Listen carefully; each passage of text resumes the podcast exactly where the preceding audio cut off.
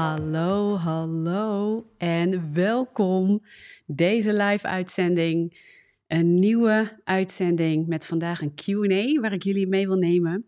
En uh, we zenden weer live, live uit op YouTube en later komt hij ook op de podcast. Dus als je hem later terugkijkt op YouTube of luistert op de podcast, voel je welkom. Maar uh, ik ga er weer even induiken, ook qua interactie. Heel erg leuk, vooral omdat ik vanavond een Q&A doe. En ik heb wat vragen binnen gehad al. Ja, we krijgen regelmatig vragen binnen. Maar ik heb nu ook gevraagd, joh, af, naar aanleiding van afgelopen maand, dingen die zijn gedeeld of dingen die bij je op zijn gekomen, waar wil je meer over weten? En uh, kijk, hallo, de mensen er allemaal binnen. Hey, tof dat jullie gelijk eventjes um, reageren. Like de video ook even, komt u weer lekker in beeld voor anderen. Hey Sylvia, Mariette zie ik, Maartje zie ik en de rest die lekker binnenstroomt. Kom lekker binnen. Super leuk. Fijn dat jullie er zijn. En um, ik wil zo meteen beginnen. Um, eigenlijk met een aantal vragen die ik heb binnengekregen via de socials. Dus daar, zijn, daar heb ik een uh, vragensticker uitgezet van joh, uh, kom, eens, kom eens met het een en ander. En er zijn dingen die ik gewoon even deel van hey, dit zijn de vragen die binnen zijn gekomen. En um, uh, daarvan behandel ik er sowieso één vanavond, waarvan ik dacht, hé, hey, daar kan ik eens met jullie over sparren, over delen, mijn visie en dat wat ik daar in de Bijbel heb ontdekt, zeg maar daarover, of hoe we daarnaar kunnen kijken. En er zijn een aantal vragen, daar wil ik echt meer tijd uh, en goede onderbouwing aan geven om daar goed antwoord op te geven. Dus ik ga met jullie daar zo even induiken. En dan kunnen we zo meteen, hey Jeannette, leuk dat je er ook live echt bij bent deze keer, wat super tof. Um, maar dan kunnen we straks ook in de comments van, uh, van YouTube die ik binnenkrijg, kunnen we misschien ook nog wat vragen erin gooien. Of jullie althans. En uh, dan kan ik kijken of ik ze gelijk wil oppakken en beantwoorden vanavond. Of dat ik ze ga noteren. En dat we erin gaan duiken de komende tijd. Dus ik wil daar dan bij sommige dingen echt goed antwoord en gedegen antwoord op geven. En uh, niet zomaar lukraak wat schreeuwen af en toe. Bij sommige onderwerpen kan dat wel een beetje. lukraak wat schreeuwen. maar zeker niet bij alle onderwerpen wil ik daar zomaar op die manier in gaan staan. Dus uh, weet je, ik vind het altijd heel mooi dat mensen mijn mening willen weten. Maar bij heel veel dingen vind ik het niet zo belangrijk wat ik vind. Dan vind ik het vooral belangrijk, wat zegt Jezus daarover? Wie is hij daarin? Kunnen we ontdekken in de Bijbel wat hij daarover te vertellen heeft? Of kunnen we in de relatie met hem daarin ook voor ons persoonlijk ontdekken wat dat zegt over ons eigen leven? En ik heb wel eens een uitspraak gehoord, weet je, um, de Bijbel is natuurlijk toepasbaar op ons eigen leven. En ik ben daar ook zeker van. Het woord van God geeft ons levendgevende informatie, principes. Om vanuit de relatie met God en Hem te leren kennen, echt te leven en je leven vorm te geven. Maar de Bijbel moet ook uit, uitgelegd worden zoals de Bijbel dient te worden uitgelegd. En daar zijn nog wel eens wat discussies over hier en daar natuurlijk. Maar ik hou het graag praktisch. Ik krijg veel vragen over Tessa, hoe doe ik dat nou? Hoe moet ik dat nou zien? Uh, hoe kijk ik hiernaar? Hoe moet ik dat zien in mijn eigen leven? Ik kom er niet uit. Ik heb een struggle. Hoe ga jij ermee om? En het is heel, heel goed om elkaar daarin te helpen, maar bovenal daarin altijd te wijzen op Jezus. Althans, dat is wel mijn doel. Hé, hey, maar heel tof. Kijk, ik zie heel veel mensen binnenstromen. Ah, wat gaaf dat jullie er allemaal zijn, zeg. Superleuk. Ik ga in ieder geval even met jullie delen wat ik binnen heb gekregen via de socials. Um, waarom ik dat wel en nu niet behandel. Dus ook als je het later terugluistert, dan heb je dat alvast meegekregen. En dan weet je ook waar ik de komende tijd misschien uh, wel wat meer aandacht aan ga besteden. En niet alles zal ik in de lives behandelen. Dus we zitten daar ook aan te denken. Ik doe dit samen met een team. En uh, we zijn met een mediateam ook bezig aan het opzetten. Om uh, teachings apart op te nemen. En we hebben nog meer plannen. Dus dit soort dingen wil ik mogelijk apart als content ook erin gaan verwerken op YouTube en de podcast plaatsen onder andere. Dus uh, gaat helemaal goed komen. hey, maar ik had een aantal vragen. Um, en de vragen die ik in ieder geval wat meer aandacht wil gaan geven, de komende tijd ergens, of in ieder geval dit seizoen, um, is de doop. Ik kreeg daar twee verschillende vragen over. Ik kreeg namelijk een vraag over de doop. hey, wat is het verschil tussen de waterdoop en de doop in de Heilige Geest? Of de kracht van de Heilige Geest? Hele interessante vraag. En ik kreeg een vraag over de doop in, uh, in de context van: hey, is de waterdoop noodzakelijk, nodig voor je redding? Dus gewoon, laat u eens even op je inwerken. Is de waterdoop nodig voor je redding? Is dat een harde voorwaarde, zeg maar? Zo werd hij eigenlijk een beetje gesteld. Hele interessante vraag. Ik heb er ook uh, kort even vandaag, nou kort, redelijk, redelijk uitgebreid nog vandaag wat, wat heen en weer gesprek over gehad. Van hey, hoe bedoel je dat? Wat is je eigen visie? Ehm, hoe kom je aan je visie? En waarin wil je dan dat ik ehm, mijn mening of een bijbelse visie geef of dat? Uh, nou, dat vind ik, beide over de doop, absoluut de moeite waard om daar wat meer uitgebreide content over te maken. Echt een teaching waar je, als het goed is, hopelijk wat aan hebt. Ehm, niet alleen vanuit mijn visie en mening, maar hoe kijkt de Bijbel daar nou naar? Wat is het belang van de doop? Hoe wordt dat neergezet? Waarom heeft Jezus, Jezus het daarover? Nou, dat. Hoe kun je daar tegenaan kijken? En daar kunnen natuurlijk nog meer dingen in aangehaakt, of in aanhaken, aangehaakt worden wilde ik zeggen. Zoals eh, babydoop, kinderdoop, volwassen doop. Eh, nou, dat zijn natuurlijk allemaal vragen die rondom die doop vaak voorkomen. We veel binnenkrijgen. Wat vinden we daar nou van en waarom? En vooral, wat vindt God daar nou van? Ik denk dat we daar gewoon het antwoord ten diepste op willen. Want we willen met Hem wandelen daarin en Hem daarin volgen. Althans, dat is mijn hart. Dus dat is ja, twee vragen in één. En mogelijk dat daar een serie op komt. Even kijken hoeveel ik kwijt kan in één aflevering. Dus dat gaan we doen. Hè, dus um, Monique vraagt: wat is het verschil tussen de waterdoop en die andere? En die andere, wat? Is dan mijn vraag, Monique. Tussen de waterdoop en de, en de doop in de Heilige Geest is een vraag die wordt gesteld. Nou ja, je kan de vraag stellen tussen de waterdoop, eh, refererend aan de volwassen doop naar bekering. Um, in relatie tot kinderdoop, babydoop, hè, die vaak wordt genoemd. En ehm, de vraag die ik kreeg, nogmaals even ter herhaling, is de waterdoop een absolute noodzaak, hè, een harde voorwaarde voor redding? Nou, interessante vragen. Ga ik nu niet op in. Veel te gevoelig om daar zo lukraak wat over te zeggen. Ik wil dat goed onderbouwen en je daar echt in meenemen. Komt dit seizoen. En ik hoop heel recent, want deze krijg ik veel vragen over. Er zijn veel mensen die vragen, ik, ik wil gedoopt worden, hoe, waar, wat. Um, ik denk dat deze super relevant is. Uh, en dat we daar als eerste zo meteen ook aandacht aan willen gaan geven. Hey, en de volgende vraag, even een heel ander kaliber, kreeg ik, dat was de volgende. Wat vindt God van tatoeages en piercings? Wat vindt God van tatoeages en piercings? Ga ik ook apart op in. Dus dat ga ik ook niet vanavond doen. Maar ik vond het een super goede vraag. En uh, ik denk dat veel mensen daar stiekem mee, worstelen. En uh, er is veel over te vinden. Je kunt, kunt daar best wel het een en ander aan content over vinden. Maar ik wil van harte daar eens even induiken met je. En lijkt me leuk om daar tijd en aandacht aan te besteden. Dan nog een vraag. Hoe begin je het beste met bidden als nieuwe christen? Nou, misschien dat we daar vandaag wat in mee kunnen nemen. Um, want daarop aansluitend was er ook een vraag over hoe bid je in tongentaal? Hoe je, zo, dat kwam er heel apart uit. Hoe bid je in tongentaal? Um, en de specifieke vraag daarachter was van, hey, ik doe dat wel, maar er komen niet echte zinnen uit. Het, het zijn vaak dezelfde soort klanken. En daarvan kan ik nu in ieder geval zeggen, tong, tongentaal is een klanktaal. En um, dat is niet per se dat je hele zinnen moet maken. Maar het is misschien leuk om daar eens op in te duiken. Wat is tongentaal? Hoe ga je daarmee om? Um, nou, ook als je daar nog niet bekend mee bent. is misschien heel interessant om daar ook een aflevering aan te wijden. En um, dan kom ik even op een vraag die ik in ieder geval met jullie wil behandelen, want ik vond hem relevant. Ik ben er zelf regelmatig ook mee bezig, um, of bezig geweest al, in het kader van heel veel dingen die ik langs zie komen. Van ja, hey, je hoort iets, het klinkt goed, maar is het, klopt het nou helemaal? En dat hebben we vaker bij dingen, uh, althans ik wel. En ik, ik hoor dus van meerdere mensen, komen dus ook met deze vraag. En daar ga ik je zo in meenemen. Wat is dan die vraag? Of wat is dan de stelling waar er een vraag over is? En uh, als het goed is, heb je het al kunnen zien in de titel. Maar um, houd God van je zoals je bent. Dat is eigenlijk de stelling waar de vraag over gaat. Houd God van je zoals je bent. En um, ik, ik ga je zo even meenemen in de verdieping daarachter. Van wat was nou de achterliggende vraag hierachter? En wat roept deze stelling op? Het is heel interessant.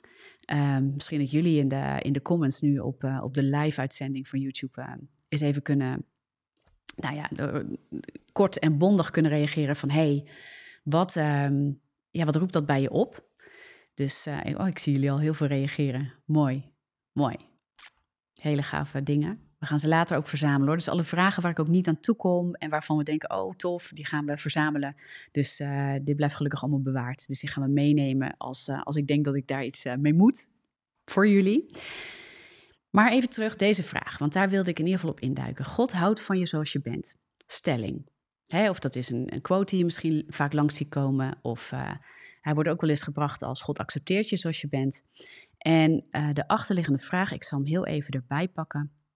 Ik hou het anoniem, uh, maar ik ga wel een klein beetje toelichten van, hé, hey, wat, wat was er nou gaande? Nou, deze persoon had een quote gezien waar dit in ieder geval op staat, misschien iets anders uitgelicht. Maar wat het bij haar opriep is van, hé, hey, ik zie vaker een dusdanige opmerking en het wekt bij mij iets op van een, nou, een beetje een, een allergie. Of een, ik weet niet of ze het zo benoemde. Ik ga heel even kijken hoe ze het erin heeft gezet.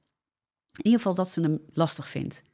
En waar de, het lastige gevoel in zit bij deze persoon, en wat ik herken, en misschien herken jij dat ook, is van hé, hey, maar ehm, het is toch niet zo dat God van je houdt en dat, dat hij het daarbij laat. Dat je dan maar lekker jezelf moet omarmen met al je uh, zonden, fouten, problemen. Um, en dat het helemaal oké is en dat je daar nooit meer wat aan hoeft te doen.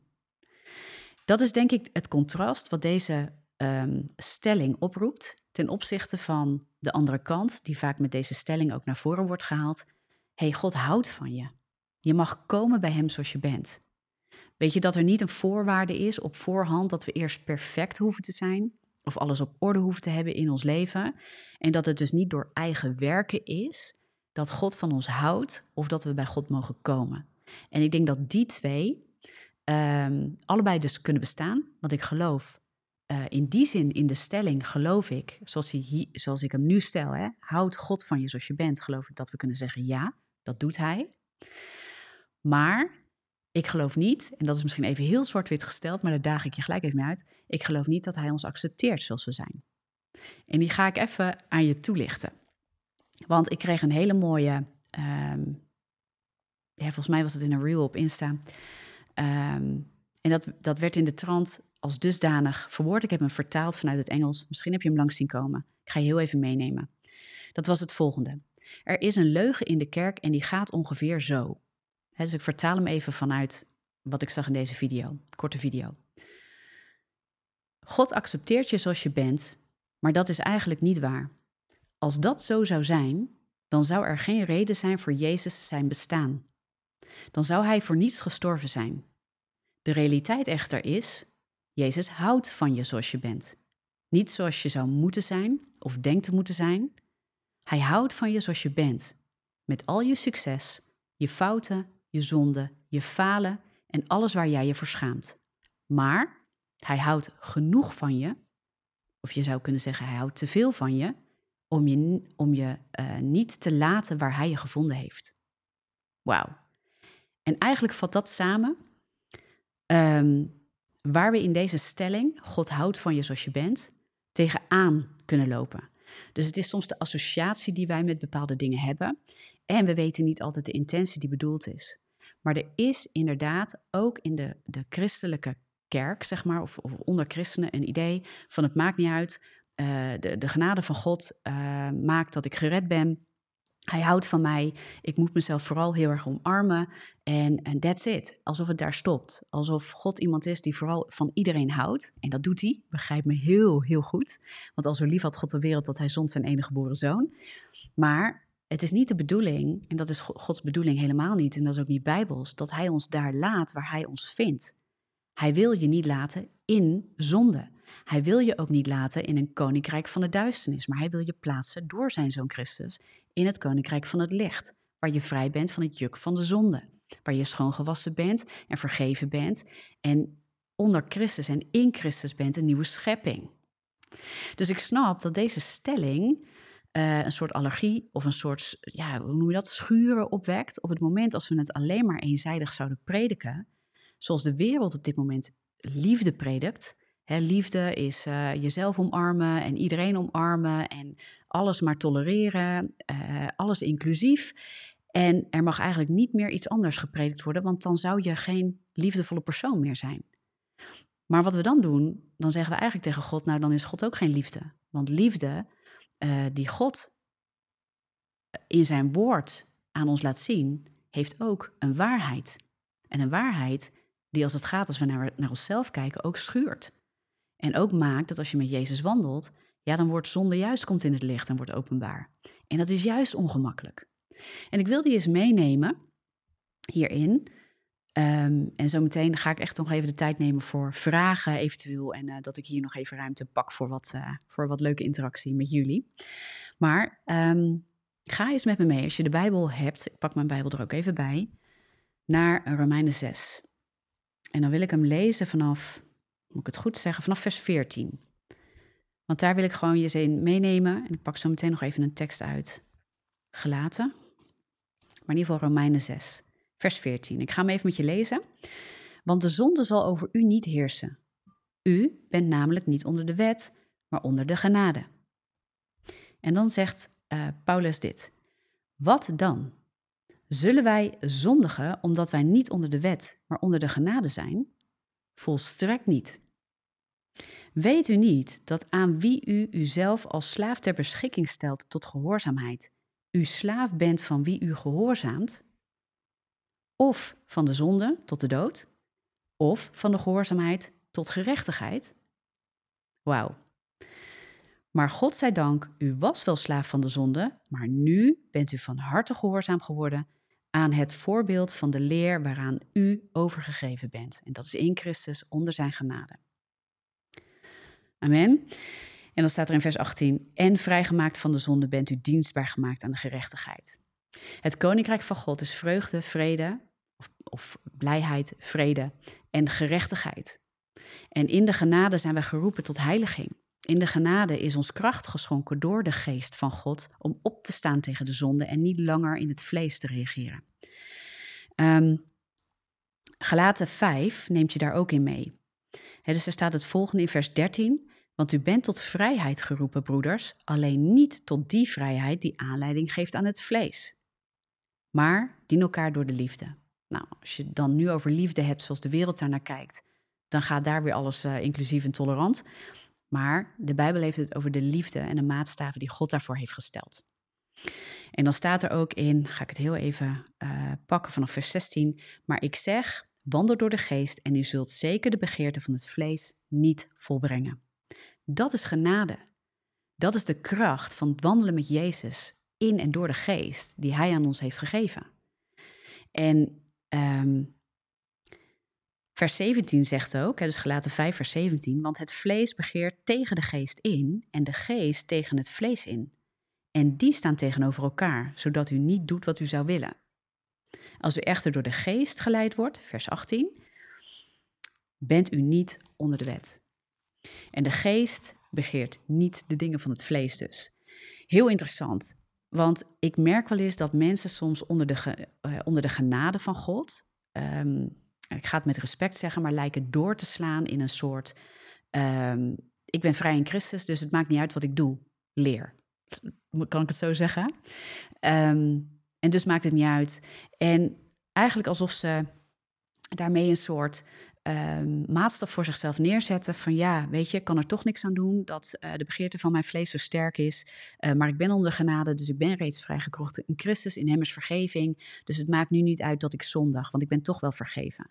Maar dat is natuurlijk niet wat deze teksten zeggen. En dat is ook niet wat Christus aan ons heeft getoond. En ook niet waar hij voor gestorven is. Hij is gestorven voor ware vrijheid. En dat betekent ook dat we vrij zijn gekocht van de zonde. En dat we ook niet meer onder de juk en de slavernij van de zonde hoeven te leven. En dat is de kracht van genade. Dat is waar genade over gaat. Dat het tot heiliging is. Dat er een weg tot heiliging is. Tot de vernieuwing van denken. Het vrijkomen, bevrijding, herstel, genezing, al die dingen. maar dat gaat er wel over dat onze ziel um, want onze ziel en ons lichaam, zeg maar, daar zit de, de, angel van het vlees in, van de begeerte van het vlees. Maar die zijn vrij onder de vernieuwing, zeg maar, de, de nieuwe geest, de nieuwe schepping die we zijn geworden in Christus. We hebben niet voor niks de geest van God gekregen. Anders zou de geest van God krachteloos zijn en ons niet tot kracht zijn om dit te weerstaan. En dat is nou echt de kracht van het evangelie. Dit is waarom het woord van God en het leven met Jezus zo echt, zo levendig is. Want het is het is geen onzin wat het woord verkondigt. Het is ook niet, hé, hey, ik beloof je dat je een nieuwe schepping bent. Ik beloof je de geest van God, maar je zult nog steeds niet op kunnen staan tegen zonde. Dat is niet wat het woord zegt. Juist de geest is ons tot kracht. Het verlossingswerk van Jezus is ons tot ware kracht in het hier en nu. Ik wil niet zeggen dat je niet struggelt, dat je niet door processen heen moet. Maar ik geloof dat je geen slachtoffer en dus geen slaaf, zoals het woord zegt, hoeft te blijven van de zonde.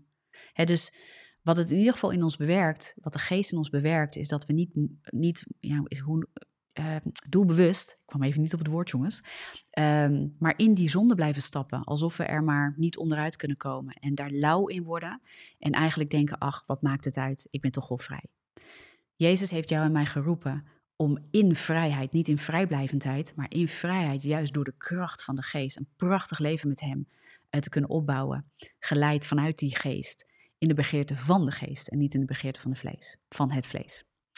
Amen. Dus dat wilde ik vanavond eens even met je delen. Gewoon even kort. Ik dacht, ik, ik ga er eens op induiken, want ik vind dat echt een hele interessante uh, stelling. En ook waar het schuurt. Um, het is maar net welke associatie, welke uitleg daaraan gegeven wordt.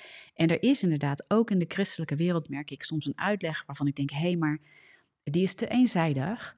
En die legt niet meer uit wat, uh, wat het echt betekent als we zeggen: hey, God houdt van je zoals je bent maar hij accepteert je niet zoals je bent. En maar dat doet niks af van je waarde. Weet je, en dat is niet omdat je dan heel hard moet gaan werken om zijn goedkeuring en zijn liefde te kunnen ontvangen. Dat is het dus nou juist net niet. Maar hij wil je voorzien van de kracht van de geest en zijn openbaring van zijn liefde voor jou, zodat je door zijn liefde jouw waarde, jouw identiteit gaat leren kennen, gaat aannemen wat hij over jou zegt, wat hij over jou denkt, wat hij zegt dat waar is over jou, zodat je vanuit die liefde van binnenuit getransformeerd wordt door kenbaar te raken met het woord van God, de waarheid, met zijn liefde, met wie hij is. En vanuit die relatie, niet vanuit angst, niet vanuit God, God, eh, ik moet dit en ik moet dat en ik leg mijzelf allemaal jukken op, anders ben ik nooit goed genoeg voor God. Niet op die manier, maar juist vanuit de liefde van God, dat hij zegt, wow, ik heb zoveel vrijheid voor jou. Ik wil je lostrekken uit het juk van de zonde waar je nu in zit. Maar het vraagt wel een stap van bekering bij ons. En dat we ons echt onder de gehoorzaamheid aan Christus laten heiligen in de waarheid. Daarom moet ons denken vernieuwd worden. Romeinen 12, vers 2. Dat heeft daar echt mee te maken. En dat betekent ook onderwerping en gehoorzamen aan God. dus dat heeft niks te maken met dat wij uit eigen goede werken um, goed genoeg zijn voor God om door Hem um, een geliefd, te zijn, zeg maar. Maar wel dat we beseffen, hé, hey, maar God is zo groot. Hij kan mij veranderen. Hij wil in mij mijn, mijn ware identiteit leggen en mij vrij maken van het juk van de zonde en het juk van de dood. Amen. Nou, eens even kijken. Ondertussen. We zijn zo'n 20 minuutjes verder. Um, heb ik alles gedeeld hiervan wat ik wilde delen met jullie? Ik denk het wel. En ik hoop dat het tot inzicht voor je is. Ik weet niet, misschien dat meer mensen hier tegenaan zijn gelopen of daarmee uh, mee, uh, worstelen ik heb hem in ieder geval even kort meegenomen. Ik ga even kijken of ik wat opmerkingen van jullie uh, zie. Even checken. Jullie zijn in ieder geval lekker, uh, lekker aan het, mooi aan het delen. Dank je wel daarvoor. Ik vind die interactie heel leuk. Dus het is natuurlijk niet terug te zien, of ja, wel terug te zien als je op um, YouTube hem terugkijkt. Komt op een gegeven moment de live chat, kun je ook terugkijken. Maar op de podcast is het natuurlijk niet te zien. Dus dat is altijd wel een beetje jammer dat het daar niet mee te nemen is. In het licht wandelen, Annelies, zie ik best place to be. 1 Johannes 1, vers 7. Dus onderworpen aan het woord. Ja, amen. Amen, uh, Annelies. Dan zijn wij op grond van het bloed van de Heer Jezus gereinigd van alle zonden en dus rechtvaardig voor God. Ja, want daar zit rechtvaardig in, hè? rechtvaardiging in. Um, dat, zit er, dat is door Christus, dat is niet door eigen werken, maar uh, doordat we in de geest wandelen, gaan we doen de goede werken die hij reeds heeft voorbereid. Ik weet even niet uit mijn hoofd uh, welke tekst dat is. Dat is een Bijbeltekst. Dat wij zullen wandelen in de goede werken die God reeds voor ons heeft voorbereid. Dus niet goede werken om onze redding of rechtvaardiging te ontvangen. Uh, dus niet door eigen werken, maar vanuit het werk van Jezus worden we bekrachtigd door de geest om vanuit die rechtvaardiging, vanuit die, vanuit die rechtvaardigheid, um, het koninkrijk van God ja, te laten baanbreken in ons leven en in de levens van anderen.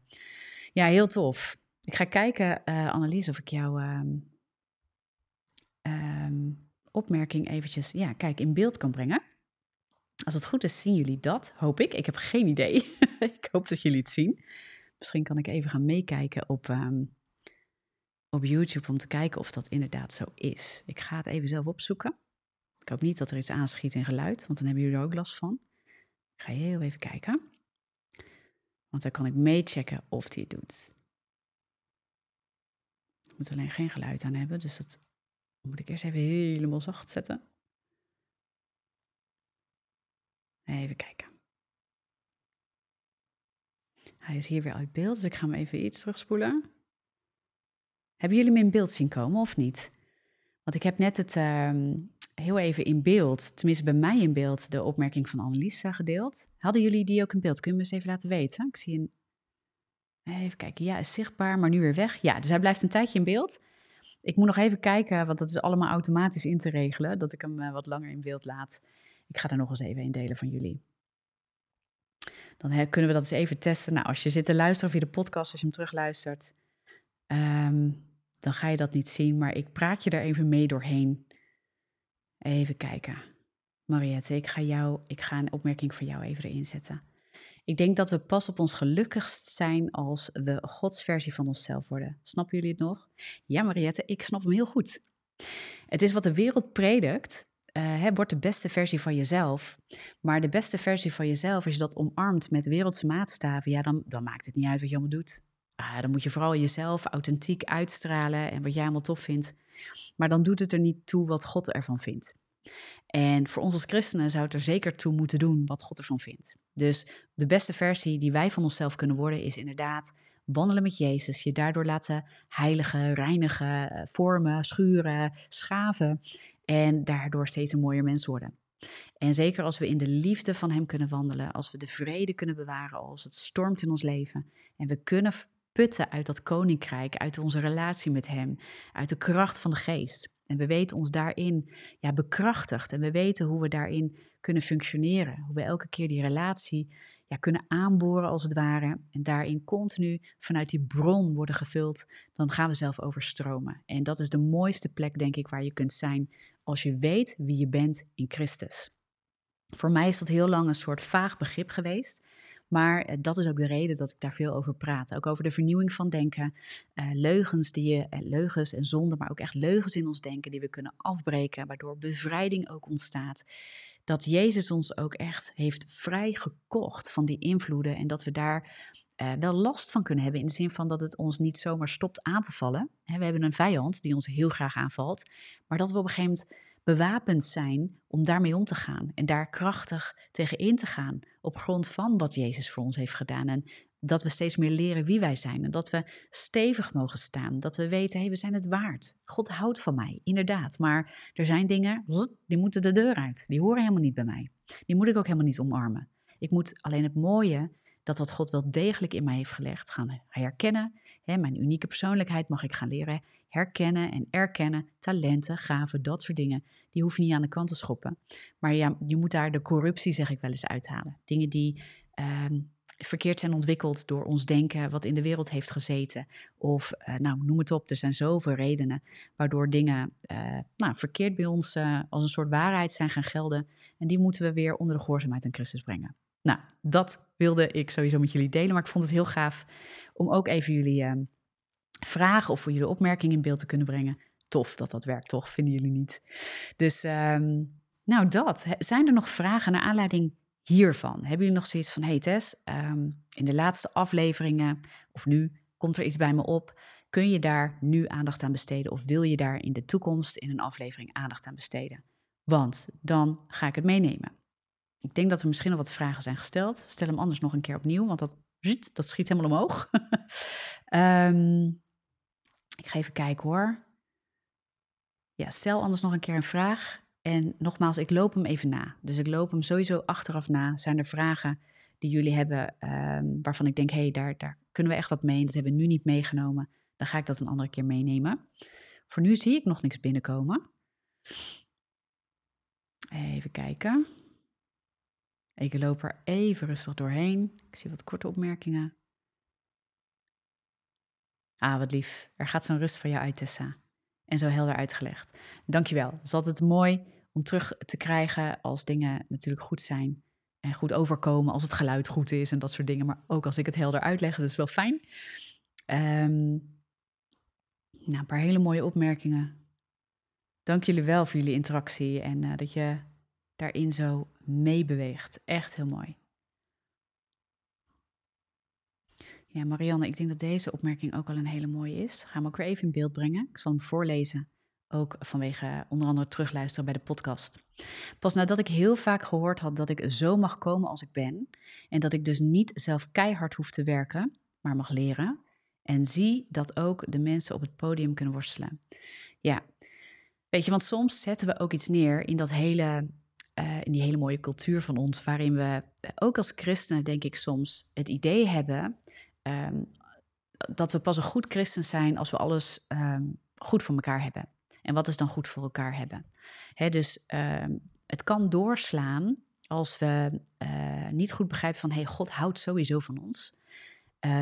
maar te veel om ons te laten waar hij ons gevonden heeft. Dus als je die context pakt, Zeker als je perfectionistisch bent of als je ergens hebt gekampt of nog kampt met bepaalde onzekerheid of minderwaardigheid of afwijzing.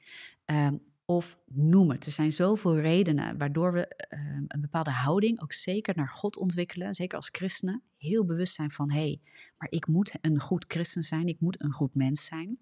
Dat als we daar in onze eigen hoofd uh, niet aan voldoen. Op grond van of wat we lezen van God, de maatstaven, de principes van God, uh, het kader van wat is dan een goed, goed mens, zeg ik tussen aanhalingstekens, zeg maar.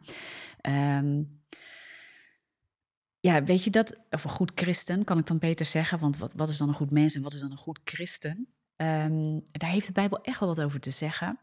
Maar we kunnen ook hard worden als we dat als een soort ja, religieuze instelling voor onszelf gaan hanteren.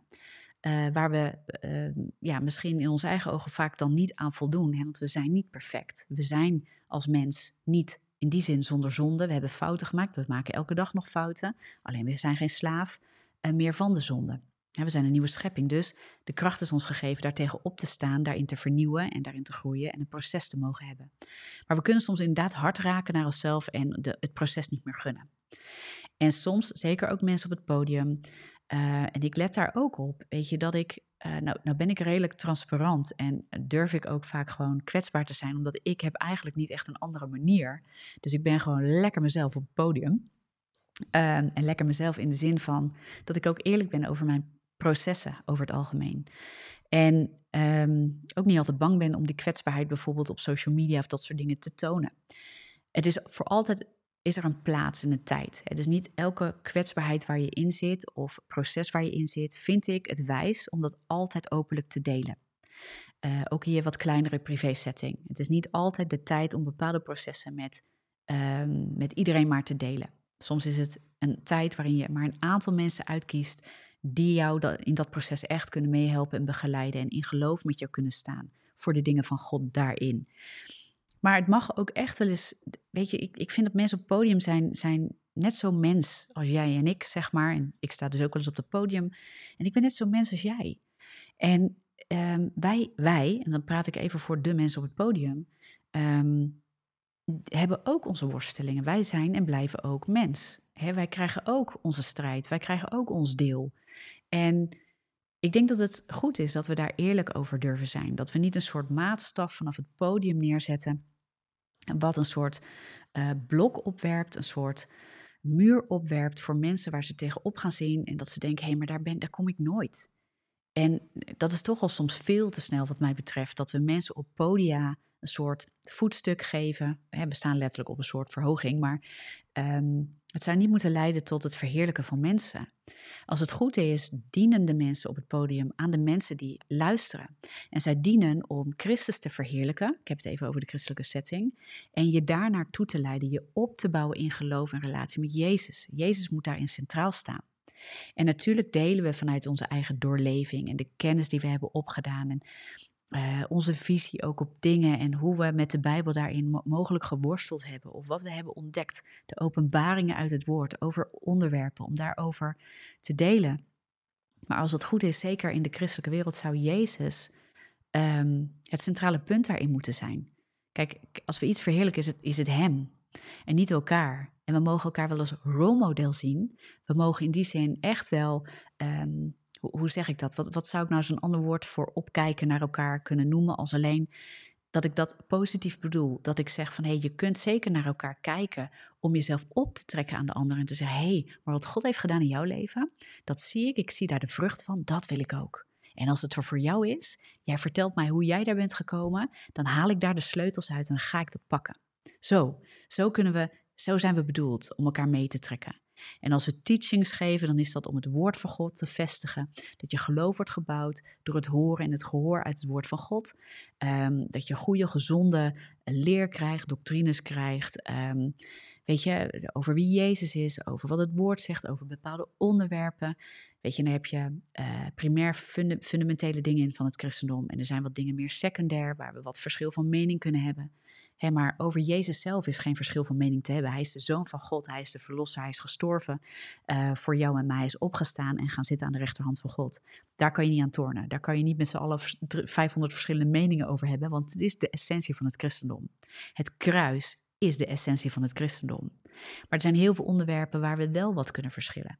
En waar het minder hard en zwart-wit is als het gaat over de essentie van het christelijk geloof.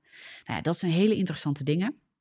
Maar we moeten daarin altijd uitkijken dat we maar niet één spreker of één stroming of één ehm, mening als een soort algemene waarheid neerzetten en het niet meer zelf onderzoeken. Ehm, ja, of eigenlijk, soms gaat het onbewust door, maar dat we mensen op de plek zetten waar Jezus moet staan in ons leven. Nou, makkelijke conclusie. Ik had, het, ik had er niet zoveel woorden aan vuil over maken, denk ik. Maar het is goed om daar soms even over um, ja, het ook wel eens even over te hebben. Weet je, dat. Ondertussen, er zijn weer wat, uh, behoorlijk wat opmerkingen verder. Als onderwerp emotionele genezing. Ik ga hem heel even uit uh, erin zetten in het beeld. Emotionele genezing kan een waardevolle toevoeging zijn. Ja, ik denk als onderwerp om, uh, om te behandelen ook, denk ik, ja. Even kijken. Vind ik een hele mooie. Praat ik ook graag over de emotionele kant van ons mens zijn en hoe we dat kunnen kaderen in geloof, hoe we daarmee omgaan. Dingen niet overschreeuwen, maar wel vanuit geloof benaderen. we zijn uh, uh, niet puur alleen maar gevoelsmensen, maar ook geloofsmensen.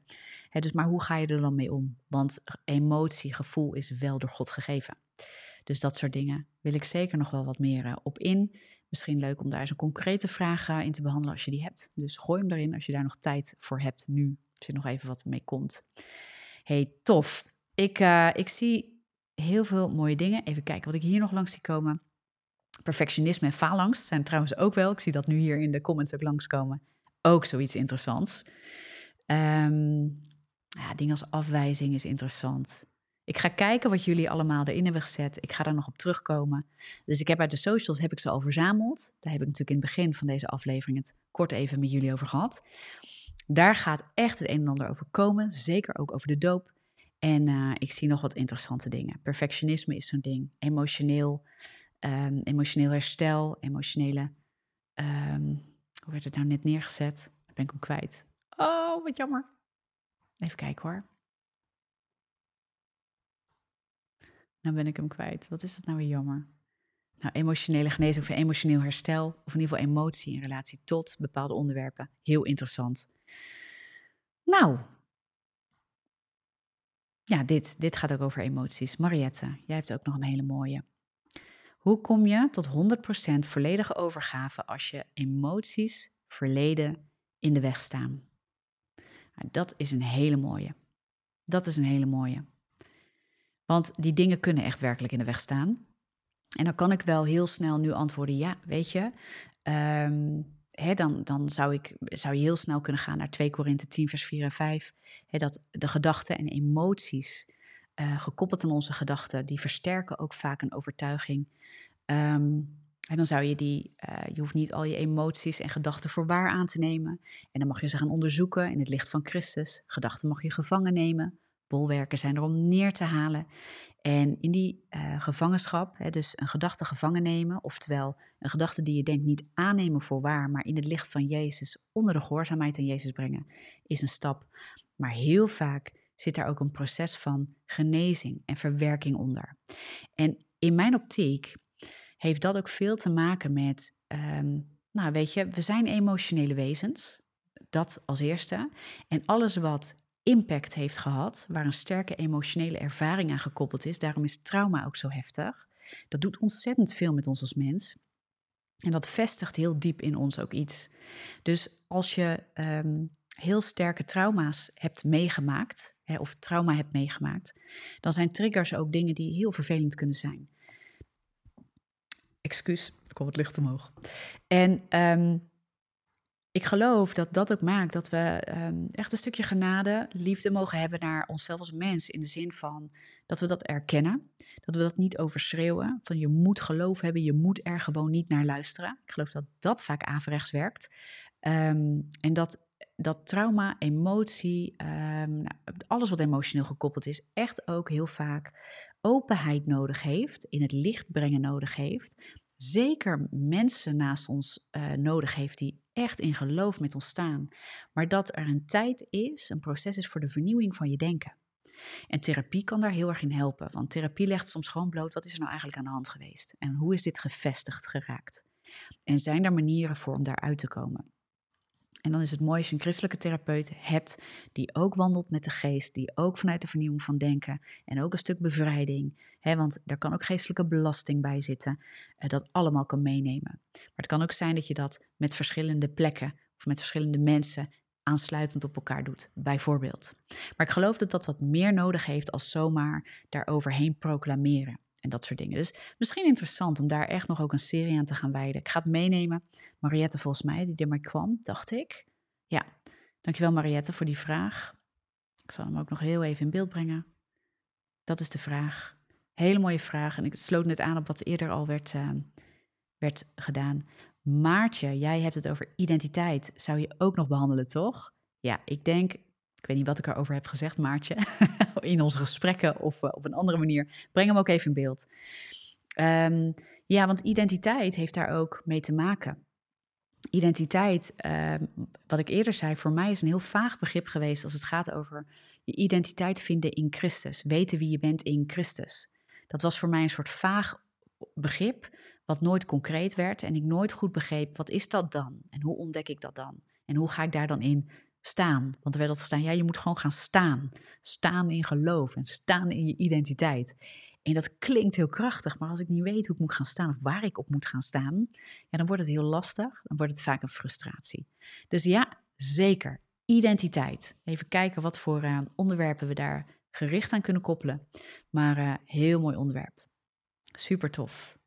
Even kijken of ik nog andere dingen heb, want dan ga ik zo richting afsluiten, jongens. Want we zijn uh, bijna drie kwartier onderweg. Um, en staat zo mooi in je boek beschreven, Depressie ontwapend. Ja, Monique, ik weet niet exact waar je op doelt. Er staat inderdaad, als het gaat over de vernieuwing van je denken en ook over een stukje identiteit. Um, best wel ook wat beschreven in, in mijn boek, mijn gratis boek, Depressie ontwapend. Hoef je niet depressief voor te zijn om dat te lezen. Het is heel goed te lezen. Er staat een stukje getuigenis van mij in.